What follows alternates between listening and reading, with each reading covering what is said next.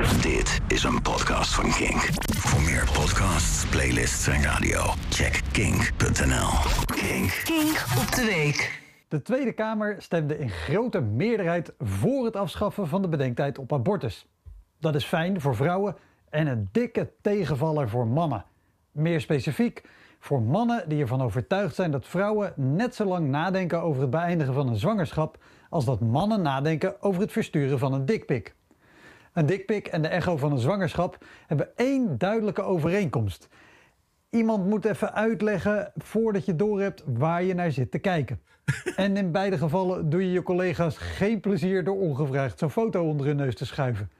Sowieso, mannen, wat gebeurt er in je hoofd dat je naar beneden kijkt en denkt: ja, hier moet ik een foto van maken. Dit moeten meer mensen zien. Het is geen zonsondergang, hè?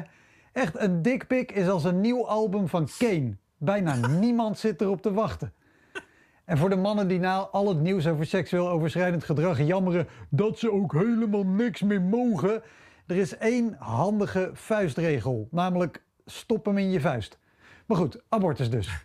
Het afschaffen van de bedenktermijn was een vrije kwestie. Dus Kamerleden mochten hun eigen keuze maken en hoefden niet per se de officiële lijn van hun partij te volgen. Alle partijen waarvan je verwacht dat ze voor zijn, zijn voor. En de tegenstemmers komen uit partijen die altijd al vinden dat het onderhand de spuigaten uitloopt met de rechten voor de vrouwtjes. CDA, ChristenUnie, Forum voor Democratie, SGP, Pieter Omtzigt, allemaal tegen. Dat Forum tegen is, dat snap ik wel. die zien vrouwen als broedmachines waar eindeloze rijen blonde kinderen met blauwe ogen uit moeten marcheren om een gedroomde forumland te vullen.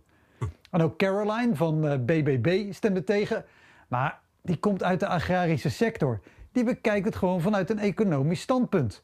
Een vrouwtje dat geen nageslacht produceert is afgeschreven en ligt een paar dagen later onder een stuk zeil op het erf om afgevoerd te worden. De VVD stemde voor afschaffing. Dat is logisch, want een beetje liberaal heeft individuele keuzevrijheid hoog in het vaandel staan. Maar toch stemden er twee VVD'ers tegen. Eentje daarvan was Daniel Koerhuis. Hij is die kale knakker wiens hele filosofie bestaat uit de zin bouwen, bouwen, bouwen. Hij heeft het thuis ook aan de muur hangen op stijgerhout in drie lelijke lettertypes. Bouwen, bouwen, bouwen. Waarschijnlijk denkt hij, ja, hoe meer kinderen er komen, hoe meer we moeten bouwen, bouwen, bouwen. Daniel Koerhuis is de vleesgeworden dikpik van de VVD. Ook al is hij volledig aangekleed, het blijft een lul op een foto.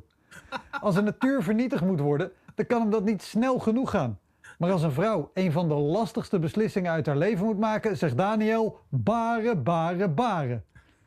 De afschaffing van de bedenktermijn op abortus is nog niet definitief. En ik hoop dat er nog een kleine aanpassing komt. Namelijk dat we die bedenktermijn overhevelen naar het sturen van dickpics. Als je na vijf dagen wachten en meerdere verplichte gesprekken met je huisarts nog steeds denkt dat het een goed idee is, dan mag je een foto laten maken, maar op één voorwaarde. Omdat het gezin de hoeksteen van de samenleving is, komt die ook direct in je familie-app.